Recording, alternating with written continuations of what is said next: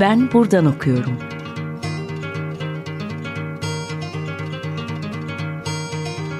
Edebiyat ve başka şeyler.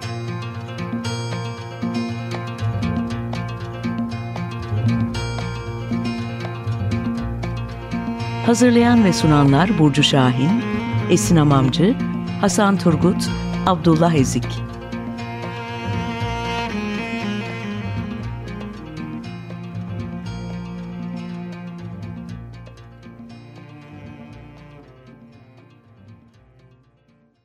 Herkese merhaba. 95.0 Açık Radyo'da Ben Buradan Okuyorum programındasınız. Ben Abdullah Ezik. Ee, bugün konuğum Mesut Kocak ile birlikte e, geçtiğimiz günlerde yayınlanan kitabı Bellek ve İnşa Mehmet Akif Ersoy, Necip Fazıl Kıtakürek ve Sedai Karakoç'un eserlerinde coğrafya, tarih, medeniyet düşüncesi üzerine konuşacağız.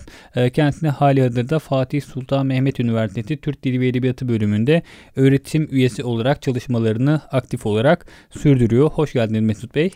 Hoş bulduk Abdullah. E, umarım her şey yolundadır. Her şey güzel. Teşekkür ediyorum davetiniz için. E, biz teşekkür ederiz. E, bu hem alternatif bir aslında ufak bir şiir tarihi okuması olması bakımından hem de birçok farklı kavramı ki Türk Edebiyatı'nda Türk şiirinde çokça işlenen kavramı merkezine alması bakımından bence oldukça önemli ve isabetli bir çalışma olmuş. Ee, ilk olarak aslında bir kuşatıcı soru olması bakımından da bu tarih, coğrafya, medeniyet bir de zaten tanzimattan biri hala tartışılan temel konulardan evet, birisi. Evet. Bu çalışmanın kuramsal çerçevesi nasıl olduğu, hangi isimlere gittin buradan başlayalım istersen. Çok teşekkür ediyorum. Ee, bu çalışmanın e, aslında ilk nüvesi Orhan Okay e, hocanın Batılılaşma devri Türk Edebiyatı tarihinde böyle çok ufacık bir şeyi vardır. Türk edebiyatında işte İslamcılığın işte çalışılmasına dair bir e, böyle değinisi. Biliyorsun hoca rahmetli çok böyle pas verir yani e, inanılmaz bir şey vardır. Ben de oradan hareketle bir bakayım falan demiştim ve oradan girdim o kanaldan girdim. E, nasıl olur ne olur falan diye. Bir de biliyorsun toplumda genel itibariyle birinin ismi söylendiğinde hemen diğerinin ismi de akla geliyor ama gerçekten böyle miydi? Yani benim kafamdaki temel soru buydu. Gerçekten bu üç isim toplumun e, Kahir ekseriyetinin algıladığı gibi birbirinin devamı olan isimler miydi? Biraz bunun üzerine gitmekti benim e, şeyim. Bir. ikincisi de e, hem Osmanlı modernleşmesi ve onun devamında tabii Türk modernleşmesi e, benim öğrencilik yıllarımdan e, itibaren hep e, kafamı meşgul eden, yüksek lisansta da işte tanzimat ideolojileri çalışmıştım zaten. E, ve çokça sosyoloji e, okumam vardı. Biraz da böyle bir e, şeyle e, yola çıktım. E, Foucault okumalarım vardı. Orada Foucault'un bir kavramıyla, kullandığı bir kavramla karşılaştım ben. Karşı bellek kavramı.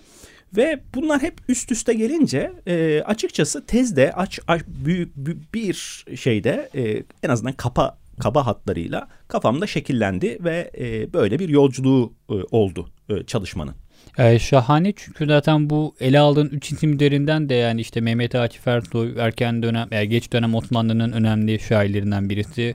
Arada bir Necip Fadıl var. Tedai Karakoçki nitekim daha birkaç yıl önce vefat evet. etti. Dolayısıyla aslında o 120 yılı kuşatan da bir e, yapısı var. Evet kesinlikle öyle. Yani bu üç ismin e, esasen e, şöyle bir e, tarafları da var. E, dinleyicilerimiz e, ne kadar e, bu cepheden e, e, düşünürler bu isimleri bilmiyorum ama e, söylemek isterim açıkçası.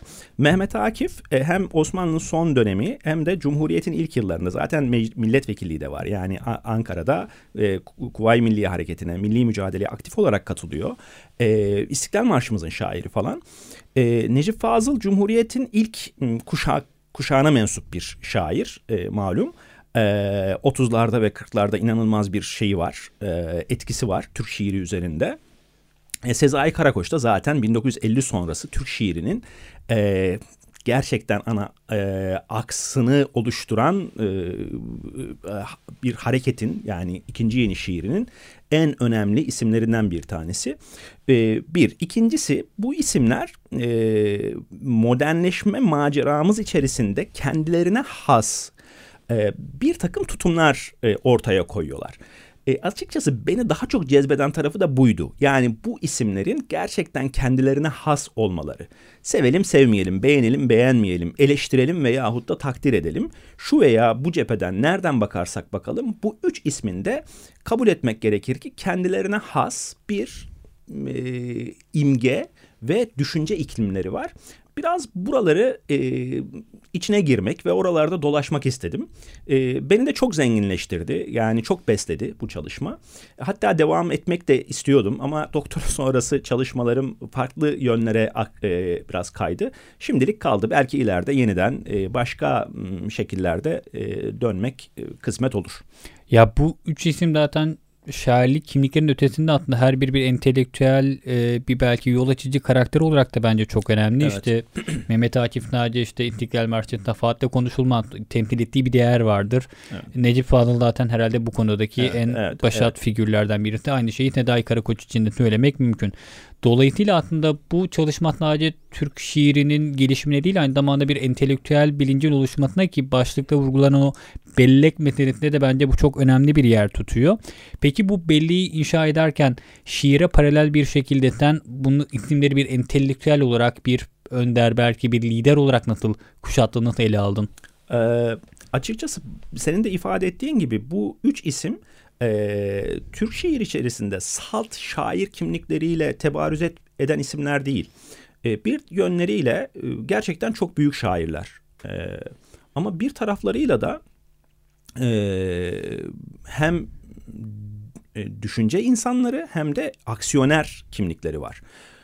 Ben e, bu çalışmayı yaparken işte e, kitaba isim ar- aradım. Epey bir isim aradım falan. Ya böyle baş bir sürü isim geldi geçti iç, e, aklımdan. İşte üç öncü şahsiyet falan gibilerinden böyle bir takım çağrışımlar da oldu. Gerçekten üç tane öncü şahsiyet var burada.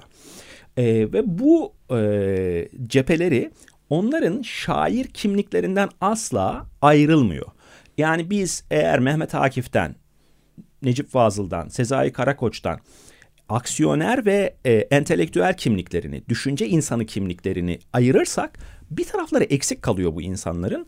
Dolayısıyla bu belki de onları e, biraz önce ifade ettiğim o tırnak içerisinde söyleyeyim orijinal e, kendilerine has e, olma hüviyetlerini de onlara kazandıran e, bir nitelik.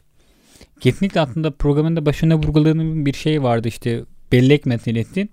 Bu üç isim de aslında zaten çoğu yani üçünün de ortak noktalarından birisi bu batılılaşma, modernleşme, çağdaşlaşma ne dersek bunda başlayan sürece bir tepki vermeleri ve aslında kaynak itibariyle de gidişat itibariyle de o belleğin inşaatı itibariyle de alışılmışın veya o zamanki kanonik düşüncenin biraz daha tersine, biraz daha farklı bir yöne doğru evrilmeleri. Dolayısıyla bu üç ismin de inşa ettiği kimi noktalarda birbirini devam ettiren, kimi noktalarda da kendi imzalarını bir anlamda vuran bir bellek meselesi var.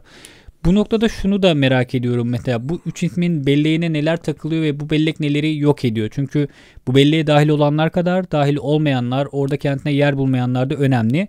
Bu üç ismiye böyle bu tarihten süreç içerisinde baktığımda sen bu bellek meselesine dair ne söylersin? Ee, ya burada şöyle bir şey var. Yine o Foucault'un karşı bellek e, kavramından hareketle buna cevap vereyim. Şimdi Foucault şunu söylüyor. Bu karşı bellek e, kavramının içini şöyle dolduruyor. Modernite ve e, işte u, uluslaşma, ulus devletleşme e, bir e, tek tipleşmeyi, e, bir e, tek tip belleği inşa etmeyi öngörür. Ama ancak e, bellek, insan e, buna direnir ve alternatif bir e, sorgulama içerisine girer ve kendi tarihini, bireysel tarihini e, o tek tipleşmeye e, direnerek e, kurmaya çalışır. Aslında bu üç isimde de en azından 20. yüzyılın e, ilk çeyreğinden itibaren e, tam olarak bunu e, görüyoruz. Bu üç isminde Akif'te ağırlıklı olarak coğrafya, Necip Fazıl'da ağırlıklı olarak tarih, e, Sezai Karakoç'ta ağırlıklı olarak medeniyet vurgusu e, etrafında şekillenen bir kendilerine has e, karşı bellek oluşturma e, tutumları söz konusu. Cumhuriyet modernleşmesi veyahut da ulus devletleşme, ulus kimlik inşası karşısında. Şahane. İstersen burada bu üç isme daha detaylı bakmadan küçük bir şarkı arası verelim. Ee, bugün Açık Radyo dinleyicileri için ne çalmak istersin? ne dinleyelim? Teddy Swims dinleyelim o zaman. E, Teddy Swims'ten Devil is a Dress diyeyim ben. Hep beraber dinleyelim. 95.0 Açık Radyo'da ben buradan okuyorum'a Mesut Koçak ile birlikte devam ediyoruz. Ee, Mehmet Akif Ersoy, Necip Fazıl Kürek ve Tedai Karakoç şiirini değerlendirmeye devam ediyoruz. E, programı bıraktığımız noktada aslında sen bu üç şaire dair üç farklı kavramsal açılım noktasını işaret ettin ki ben de buradan devam etmek istiyorum. E, bunlardan öncülü tabii ki Mehmet Akif Ersoy ve buna paralel bir şekilde bir kavram olarak veya ifade ettiği değer bakımından coğrafya. Mehmet Akif Ersoy yaşadığı coğrafya itibariyle de gerek geç dönem Osmanlı gerek Cumhuriyet sonrasında Türkiye, Mısır ve e, civar ülkeler diyelim, e, şehirler diyelim. Hayatı çok yarı yarı biraz dağınık, biraz farklı yerlerde geçmiş e, ve o dönemin aslında koşullarında kendi yaşantısıyla ağır bir şekilde hissetmiş isimlerden birisi. E, bu noktada ilk olarak sen coğrafya kavramıyla özel olarak, spesifik olarak Mehmet Akif'i nasıl değerlendirdin ve iç içe geçirdin? Şimdi Mehmet Akif malum e, 1800 hafızam beni yanıltmıyorsa 1888'de dünyaya geliyor. E, yani Osmanlı'nın son e, döneminde, son yüzyılında ve son yüzyılın son çeyreğinde dünyaya gelmiş bir isim. E, ve birçok e, yazar gibi, birçok şair gibi Balkan e, kökenli. Arnavut malum. E, bu nesil çok trajik bir nesil. E, bunu Yahya Kemal'de falan da görüyoruz. İşte Ömer Seyfettin'de görüyoruz değil mi? Yani birçok isim var böyle.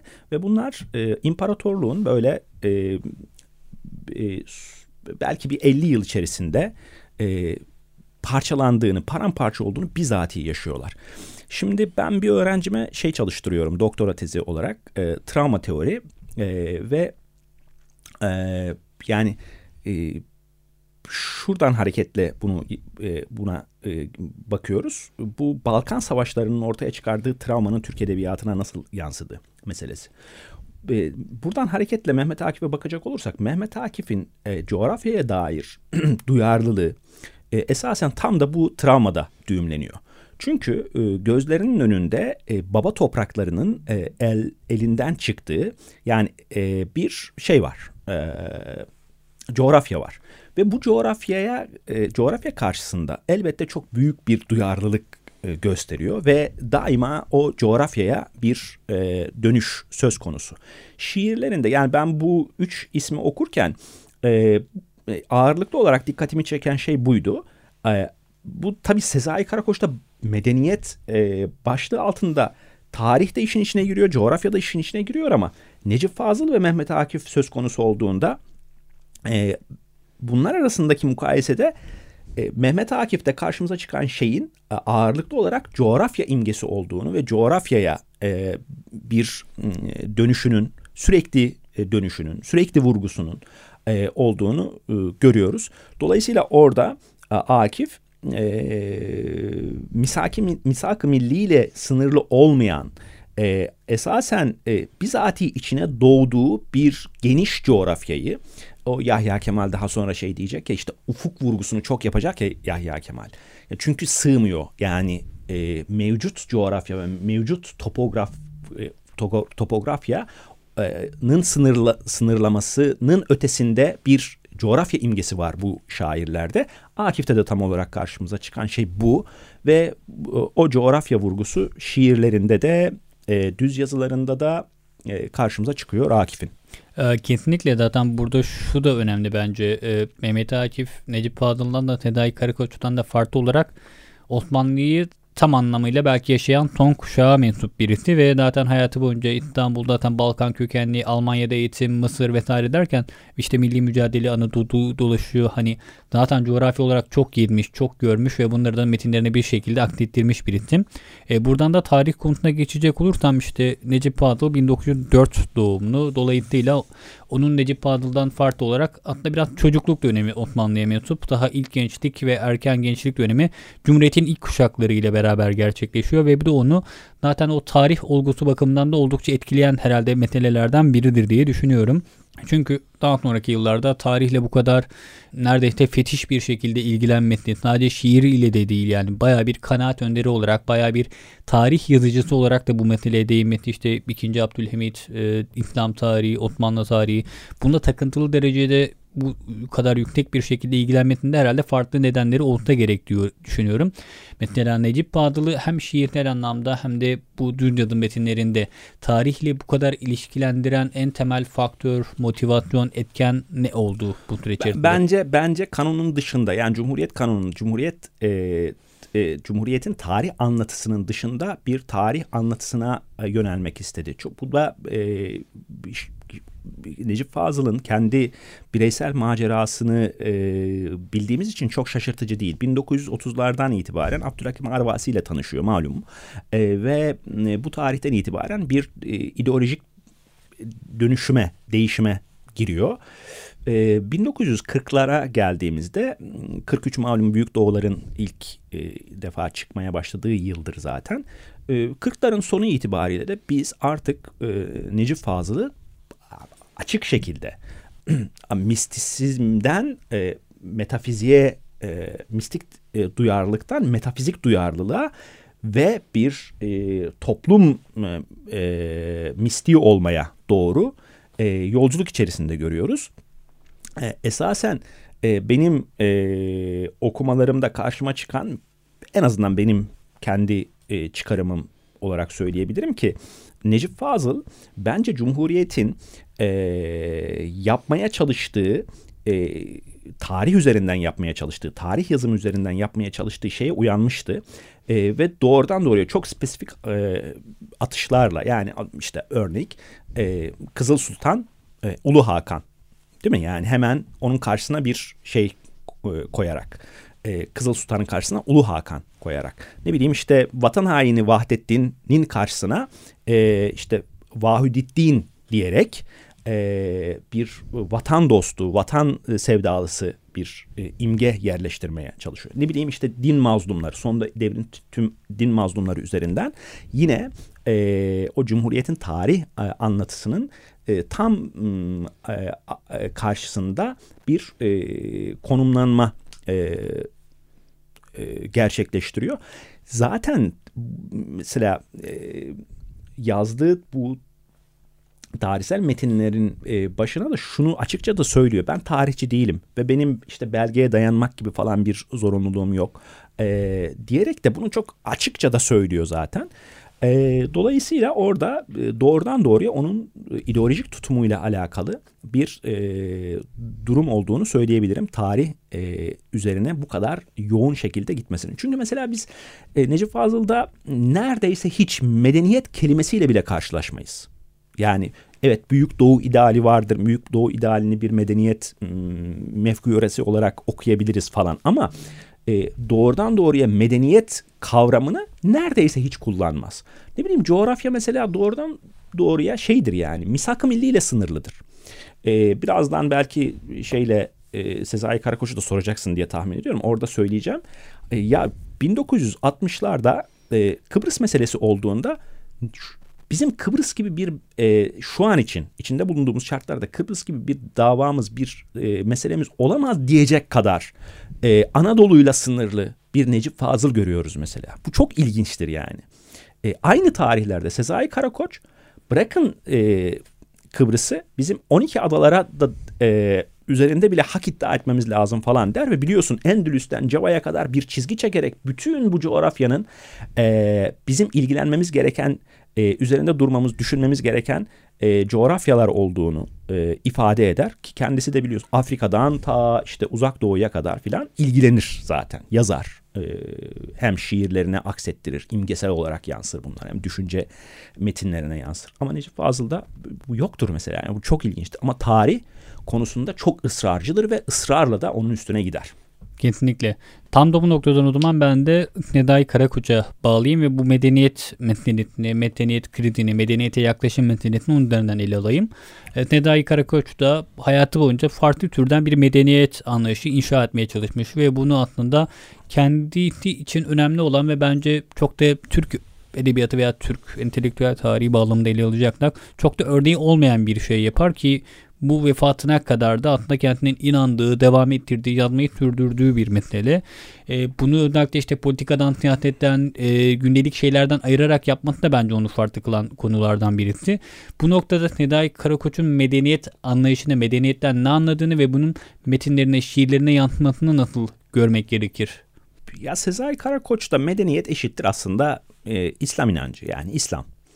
E, ve insanlığın kurtuluşunu yani Müslümanların kurtuluşu falan değil artık yani. Doğrudan doğru insanlığın kurtuluşunu e, medeniyet, İslam medeniyetinin dirilişinde görüyor.